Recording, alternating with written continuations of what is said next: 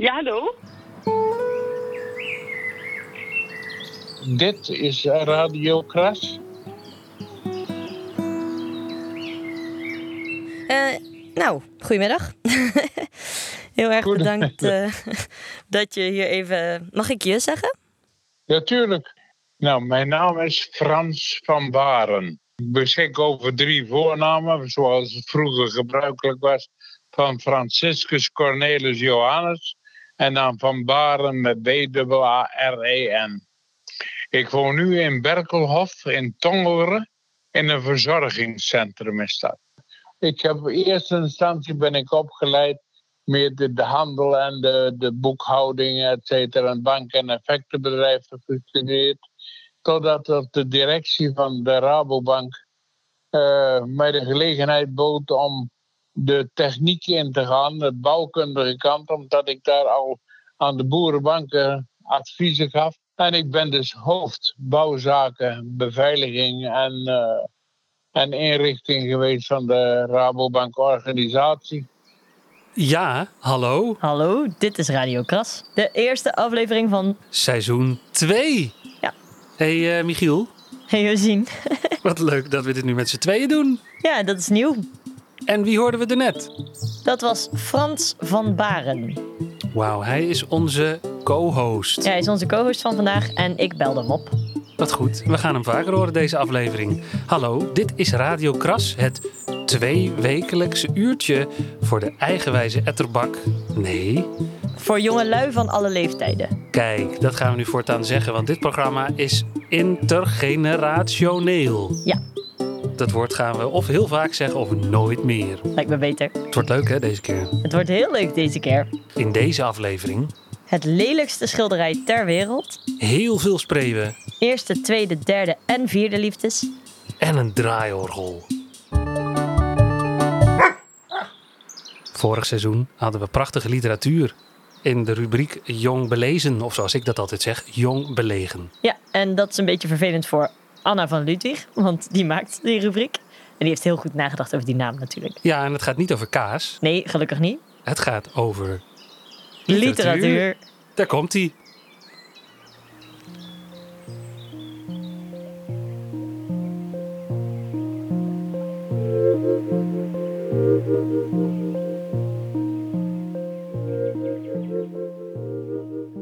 Voordat we kunnen lezen, worden we voorgelezen.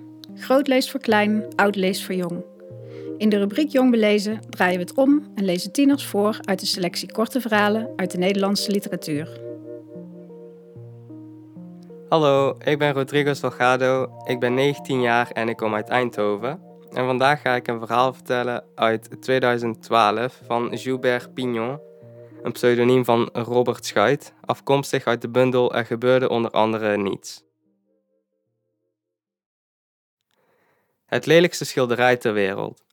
Omdat ik twee dagen niets gegeten heb, ga ik naar de verjaardag. Een dvd uit mijn kast mee, ingepakt in een reclamefolder. Gefeliciteerd! Ik laat nootjes in mijn zakken zakken voor later. Kauwend loop ik door de huiskamer. Ik bekijk de spullen van de mensen. Over een bank ligt een rode pleet. Op de vensterbank ligt een kat van zeker 7 kilo. Boven de bank hangt het lelijkste schilderij ter wereld. Ik stoot een jongen aan en zeg hem dat daar, op 2 meter afstand, het lelijkste schilderij ter wereld hangt. We kunnen het bijna aanraken. Nu ziet hij het ook. Het gerucht verspreidt zich over het feest. Het lelijkste schilderij ter wereld. Het lelijkste schilderij ter wereld. De mensen zijn niet blij. De vrouw zegt dat een vriendin van haar het schilderij gemaakt heeft. Dat ze er erg haar best op heeft gedaan. Dat het mooi bij de bank past. Twee jongens halen het lelijkste schilderij ter wereld van de muur en houden het joelend boven hun hoofd. We gaan met z'n allen met het lelijkste schilderij ter wereld op de foto. We dansen met het schilderij in onze armen en zingen liedjes voor het lelijkste schilderij ter wereld. Ik zeg dat het lelijkste schilderij ter wereld vroeger werd gebruikt om krijgsgevangenen te martelen. De vrouw zegt dat we het schilderij terug moeten hangen. De man staat aan haar zijde. Ze zeggen dat het feest voorbij is, dat we moeten gaan. Het lelijkste schilderij ter wereld wordt weer boven de bank gehangen. We gaan naar huis. Als ik omkijk naar het lelijkste schilderij ter wereld, zie ik dat het schilderij ondersteboven is teruggehangen.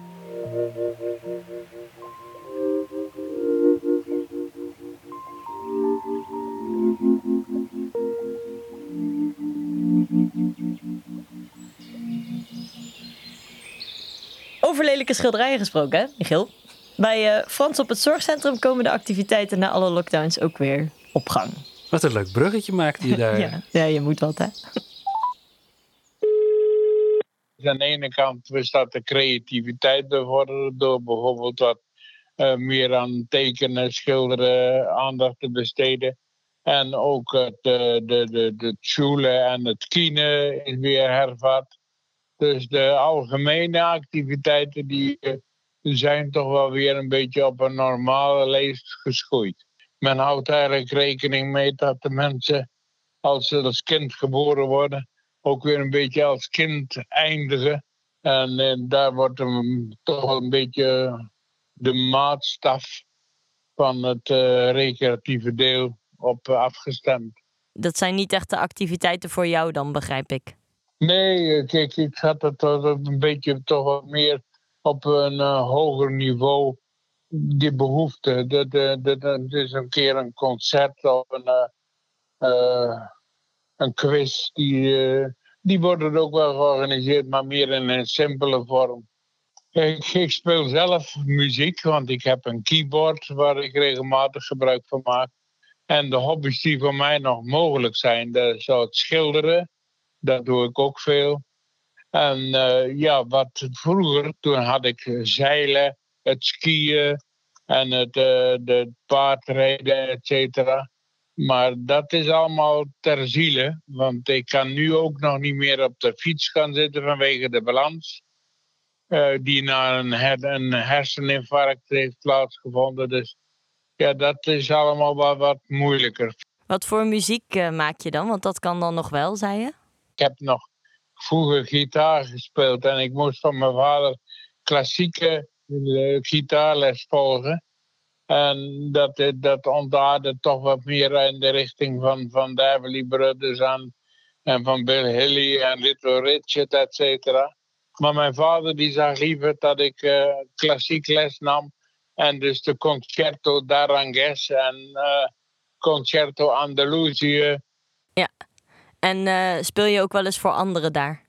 Ik doe dat meer voor mezelf. Eh, op het keyboard, want dan kan je de instrumenten zelf bepalen. Je kan de, heel veel mogelijkheden toepassen. Dus ik maak gebruik van de elektronica meer. Het kan van de violen, gitaar, kerkorgel, eh, trompetten en de, de, de geluidssecties die je kan combineren. En dan nu voor ons heerschap Franciscus Cornelis Johannes van Baren. Een mooie hit van Little Richard.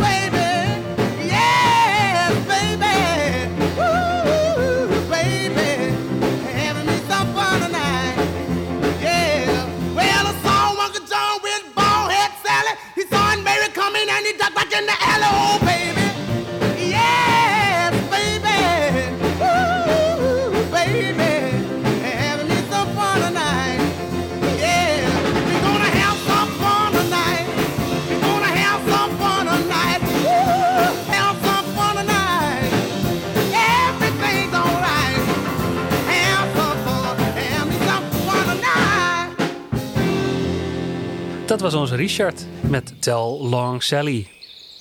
Hé, hey, maar Josien, Ja. we hebben iets fantastisch. ja, we hebben iets nieuws.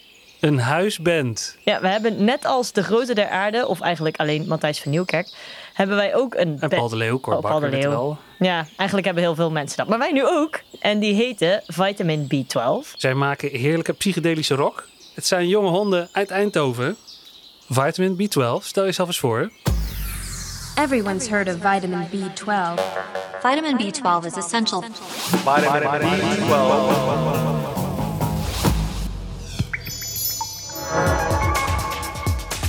The average adult needs 2.4 micrograms of vitamin B12 daily. Hey lieve mensen, Steve Vincent hier van Vitamin B12. Wij zijn een muzikaal gezelschap, oftewel een bandje, die een hele leuke samenwerking zijn aangegaan met Radio Kras. En om onszelf te introduceren willen we heel graag onze eerste single aan jullie laten horen. Hij heet Far From Here en hij is opgenomen met maar liefst twee microfoons in mijn woonkamer. Maar hij klinkt toch super vet en super oud en gewoon heel mooi. Je gaat het zo meteen horen. Het liedje gaat over de coronatijd waar we allemaal in zitten en in hebben gezeten. En wij wouden weg uit die coronatijd, weg uit de situatie. Dus daar hebben we een liedje over geschreven. En die willen we heel graag aan jullie laten horen. Dus ik wens jullie heel veel luisterplezier. En jullie gaan ons nog heel vaak terug horen bij Radio Kras. Geniet ervan.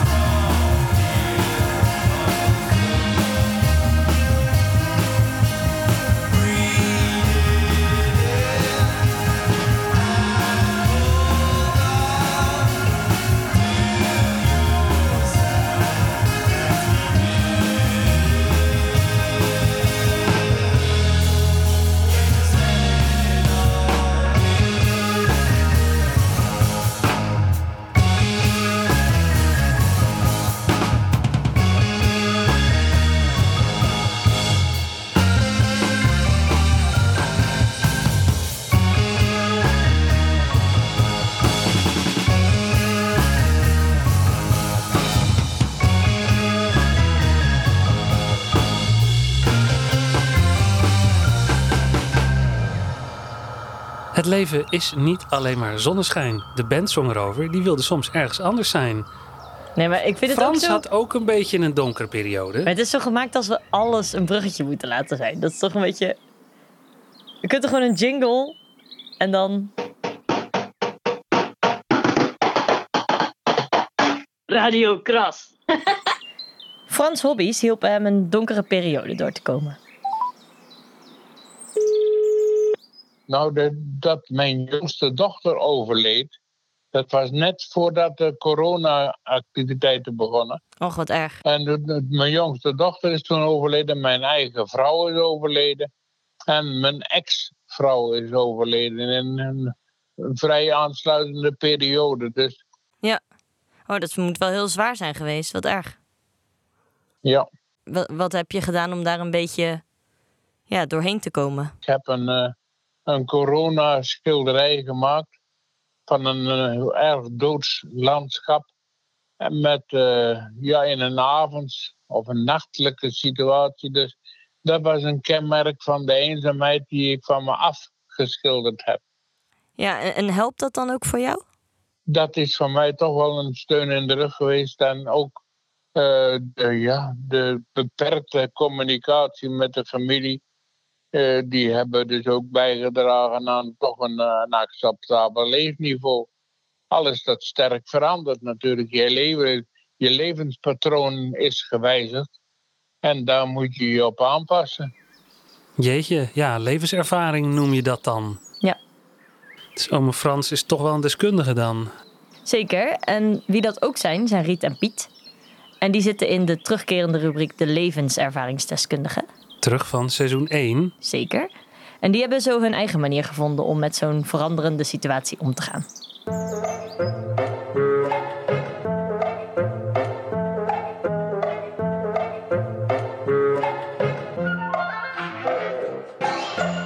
De levenservaringsdeskundige. Test 1, 2. Ja, zeg eens uh, test. Test. Piet. Test. test 1, 2. En jij? En 3. En vier en vijf en zes. En laat Mooi. ons nog wat vertellen. Heel goed.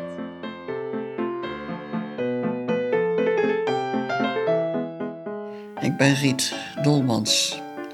Mijn meisjesnaam is De Neef. Ik ben dus hier geboren. Een klein stukje verder, vlak bij de... Hoe heet Jan het? Torenstraat. Ja, in de Jan Toorpstraat, Ja, maar ja. vlak, vlak hier bij de Rondweg. Heet voor, voorheen niet de Zandstraat. Nee, Je hoort Riet en Piet precies zoals ze zijn. Samen. Ze vullen elkaar aan. Ze corrigeren elkaar. Ze zijn een collectief.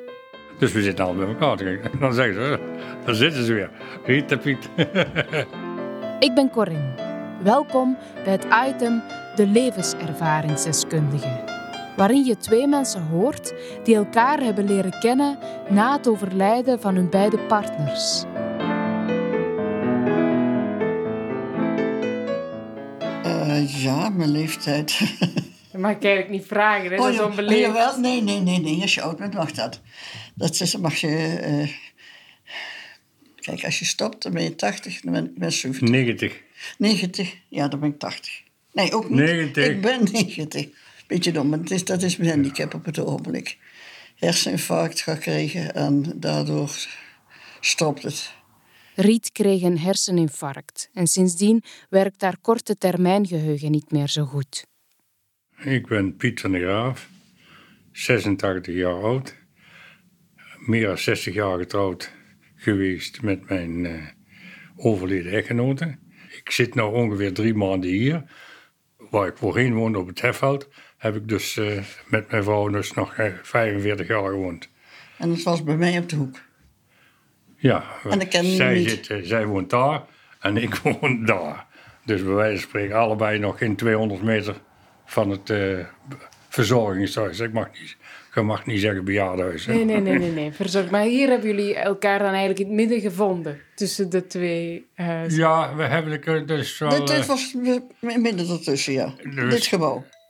Riet en Piet leerden elkaar kennen in dit gebouw, Vitalis Berkelhof. Tijdens een busreis naar Aken sloeg de vonk over.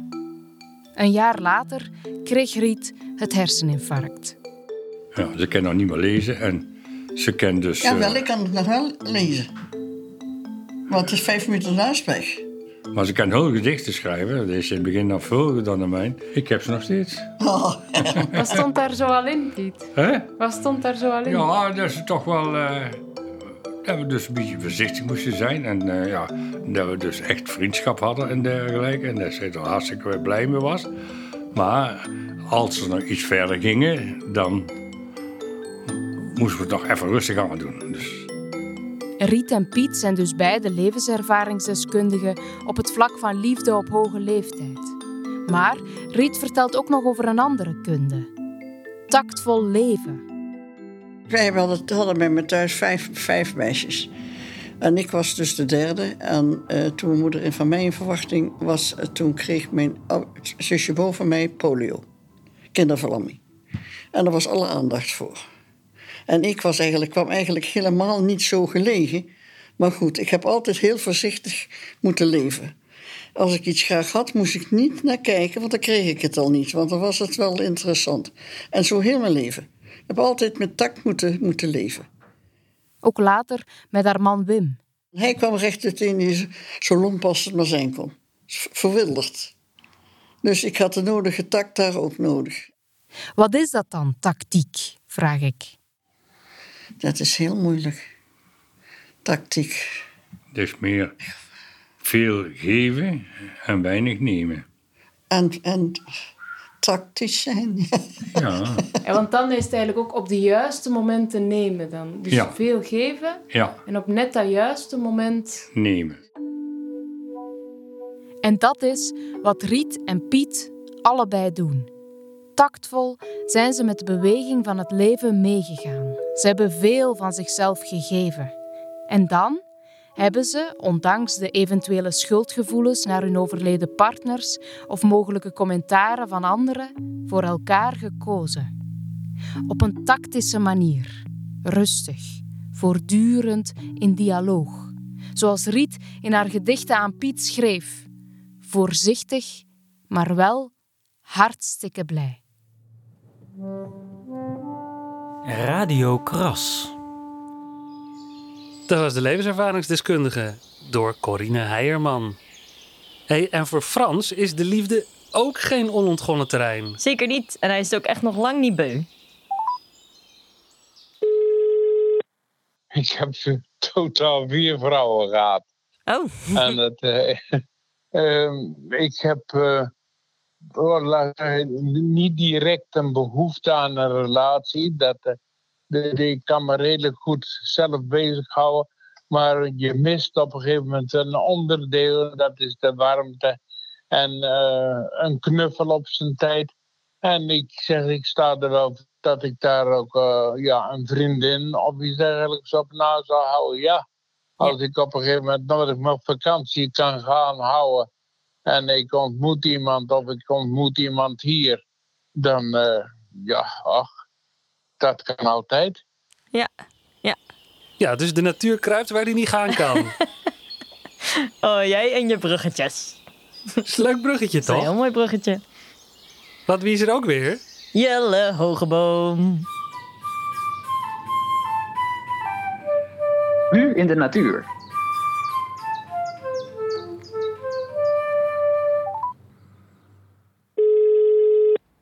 Hallo met Jelle. Jelle Hogeboom, nu in de natuur, seizoen 2. Ja, wauw. We hebben hem. Gebeurt er nog wat in de natuur? Er gebeurt eh, volop dingen in de natuur. Als je kijkt naar buiten, eh, de vogeltrek is in volle gang. Edelherten zitten te beurlen. Paddenstoelen schieten uit de grond. En ik heb een leuke column geschreven over een van mijn favoriete vogels. Nu in de natuur. Dansende wolken. Niet ver van mijn huis staat een hoogspanningsmast. Dat is normaliter niet een bijzonder interessant gegeven, maar vanaf de nazomer begint deze mast vogels te trekken. Eerst komt een klein groepje en dan nog één. Op het eind zit er een zwerm van een paar honderd vogeltjes. Deze dagen wordt dan ook iedere ochtend gewekt door een groot gezamenlijk gekwebbel. Priest, priest, priest, pieuw. Deze vogel is natuurlijk de spreeuw. Misschien wel het meest onderschatte lid van de Nederlandse avifauna. Vaak wordt hij afgedaan als een saai zwart vogeltje, maar zijn verenkleed heeft een prachtige metaalachtig paarsgroene gloed, die in het najaar versierd is met geel-witte spikkels. Het is bovendien een meesterimitator die feilloos een buizerd, kieviet, meerkoet, specht, autoalarm kan nadoen en zelfs in zijn eentje meerstemmig kan zingen. Eind augustus, begin september verzamelen de eerste spreeuwen zich bij slaapplaatsen zoals mijn mast. Naarmate het najaar vordert, komen daar steeds meer bij. Trekvogels uit Scandinavië en Rusland. Op het hoogtepunt kunnen wel 3 miljoen spreeuwen in ons land zijn. Vier keer zoveel als er hier in het voorjaar broeden. 's ochtends verlaten de spreeuwen in kleinere groepen de slaapplaatsen om ergens een fruitboomgaard lastig te vallen of een grasveld te bevrijden van emelten, langpootmuglarven. Als tegen het einde van de dag die groepjes weer terugkeren, begint een van de spectaculairste schouwspelen van de natuur. Al die groepjes smelten samen tot één gigantische zwerm.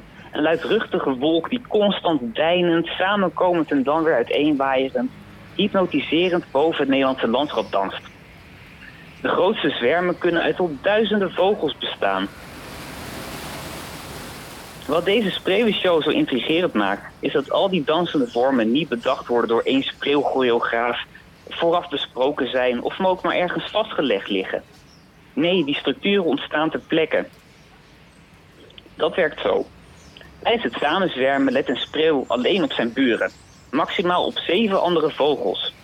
Als één van die zeven van richting verandert, past deze spreeuw zich daarop aan. Hij wil immers niet botsen. Omdat ze allemaal elkaar in de gaten houden, verspreidt één zo'n kleine beweging zich vervolgens langzaam over de gehele wolk. Al die complexe bochten, kronkelingen, uitstulpingen, draaiingen, afsplitsingen en samenvoegingen, ze zijn het gevolg van een één enkel individu dat een bewegingje maakt. Eigenlijk geldt dat hetzelfde voor alle ogenschijnlijke complexe structuren, zelfs onze eigen samenleving. Ze worden gevormd door individuen die op elkaar reageren. En wat een zekere salsa-danser ook beweert, er zitten geen choreografen achter de schermen die alle danspassen van de maatschappij bepalen. De samenleving, dat zijn jij en ik en onze buren. Laten we daarom ook proberen niet te botsen. Wie weet welke kant onze zwerm dan opbeweegt.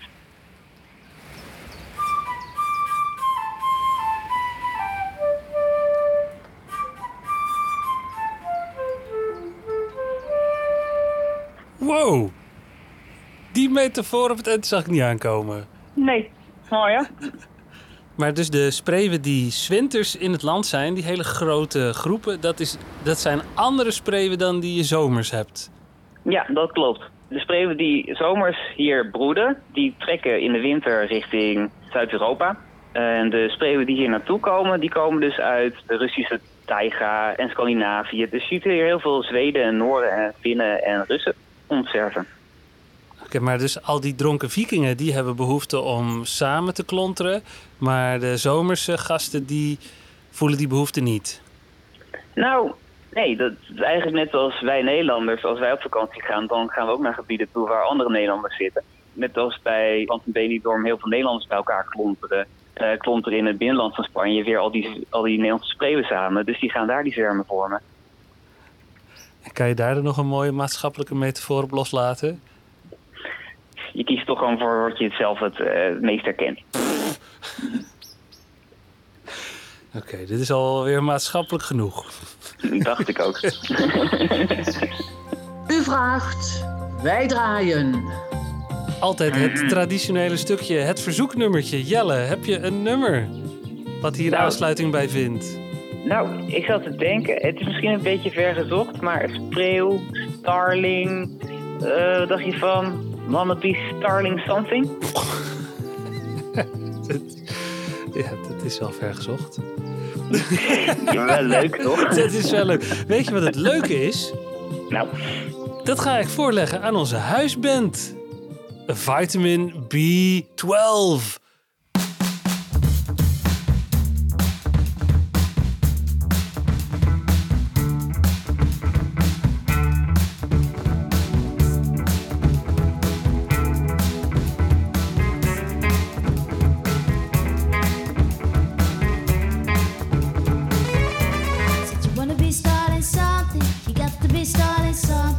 Wanna be starting something, got to be starting.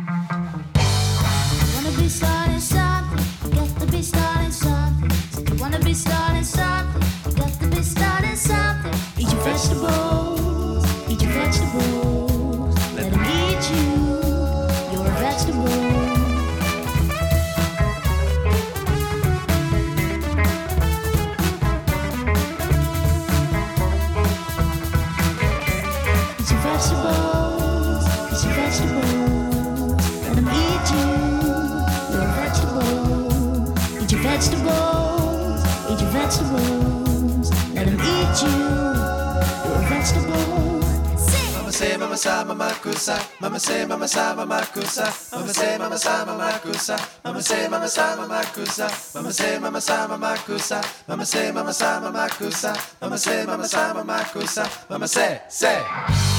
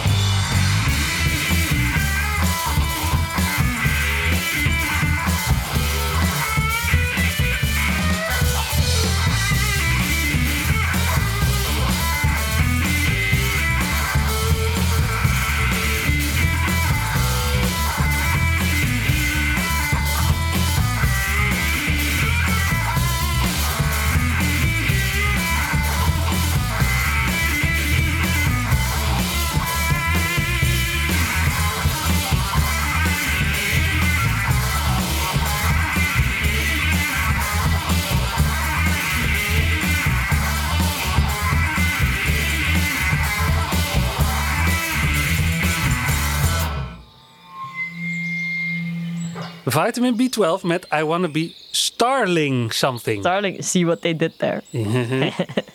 Origineel van onze Michael Jackson. Keihard toegeëigend door onze huisband. Ja. Vind je ze leuk? Volg ze dan op Facebook, Instagram, Spotify, YouTube. Postduif. En hier elke twee weken. Radio Kras. Hey Josien, Ja, we hebben iets nieuws. ja zeker. Een heel nieuw item.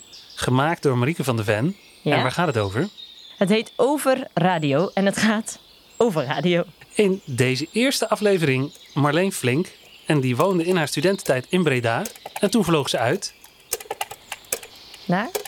Oh, naar Hilversum. Over de radio. Dit is Over de radio. Een item over zenden en ontvangen. Over de romantiek en de nostalgie. Over piraterij en radiogolven. Welkom bij Over de radio. Ik ben Marieke en in deze aflevering ga ik langs bij Marleen. Zij was als kind al gefascineerd door het medium radio. radioprogramma's thuis zitten maken met je cassettebandje opnemen en terugluisteren. En vooral aan- en afkondigingen eh, of itempjes verzinnen. En op mijn eh, stereo dubbeldekker met een eh, koptelefoon in een microfooningang. En dan kon je daar weer doorheen praten. En menig radioliefhebber heeft dat denk ik wel allemaal thuis gedaan vroeger. We hebben het over 1992. Marleen was 14 jaar. Ik woonde vroeger in Bussum en daar zat Radio 538 om de hoek. En toen hadden ze een actie op de radio van... eh, 538 moet in de ether, help mee met handtekeningen verzamelen. En eh, toen dacht ik, oh, nou, dat kan ik wel doen. Dus ik had ze gebeld en ze vroegen, waar woon je? Ik zeg, nou ja, drie straten verderop, dus ik kan ook wel langskomen. Oh ja, kom maar langs, kom maar halen. Vinden we wel gezellig. Als er visite komt, toen dacht ik, oké. Dus toen ben ik als een malle op school en in de buurt handtekeningen gaan verzamelen. Kaartjes weer terug gaan brengen. Weer nieuwe kaarten, klassen langs om eh, die handtekeningen te verzamelen. Toen dat afgelopen was, toen was het van, nou, wie weet zie ik jullie nog een keer. En toen werd er gezegd, joh, je bent altijd welkom. Toen dacht ik, ja, dat laat ik me ook geen twee keer zeggen. Dus toen ben ik best wel lang dichtbij daar kind aan huis geweest. De telefoon aangenomen eh, in de ochtend als ze een bepaalde beller zochten. Op een gegeven moment werd er geroepen... oh Marleen, kun jij dit even inspreken? Voor Erik de Zwart een eh, rubriek. Die dan iedere vrijdagmiddag op de radio was. Nou, hoe tof is dat? Ja, daar was ik in de, bij 538. Ik kon daarvoor heel slecht vroeg opstaan. Maar ze hadden hun ochtendprogramma van 6 tot 9.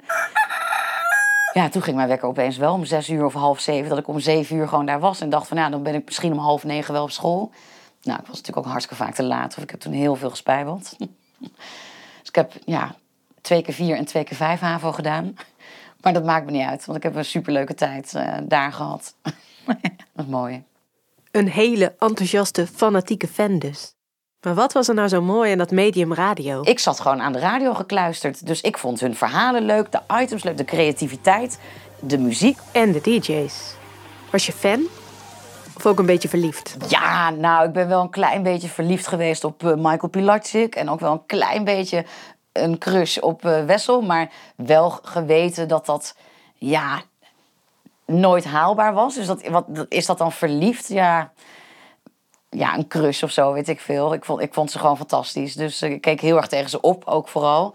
Eh, en ze waren gewoon heel leuk naar mij en tegen mij. Dus dat vond ik allemaal heel speciaal. Ja. Een liefde die in ieder geval is blijven hangen, is de liefde voor de stem. De lage stem en de radiostem. En die, die boeide mij dan wel. Dat ik dacht van, oh, hoe gaat dat dan? En hoe klink ik dan als ik dan iets zeg door een microfoon? En dat is dan, ja, dan hoor je jezelf dus terug van buitenaf. Marleen gebruikt haar stem om dingen in te spreken. bedrijfsvideo's of animatievideo's of voicemail systemen, zeg maar. Eh, toets 1 voor dit, 2 voor dat. Eh, lokale commercials voor een kapper of zo, weet je wel. Als ik zelf als voice-over nu dingen inspreek, is dat ook een andere manier dan als ik mezelf op een filmpje met vriendinnen terughoor. Want daar praat je, gebruik je je stem toch weer anders dan als je je stem gaat gebruiken om iets in te spreken. Ben je veel bewuster bezig met waar leg ik de klemtoon en eh, wat voor een emotie leg ik in mijn stem voor dit product.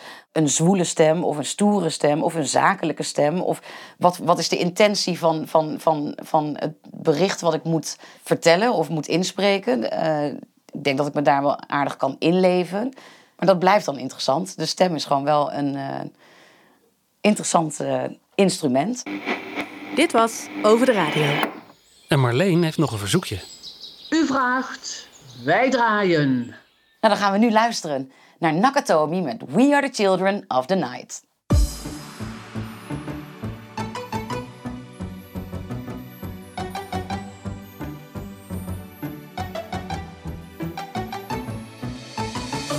We are the children nation. Let's come together and unite. Nothing's gonna stop us now.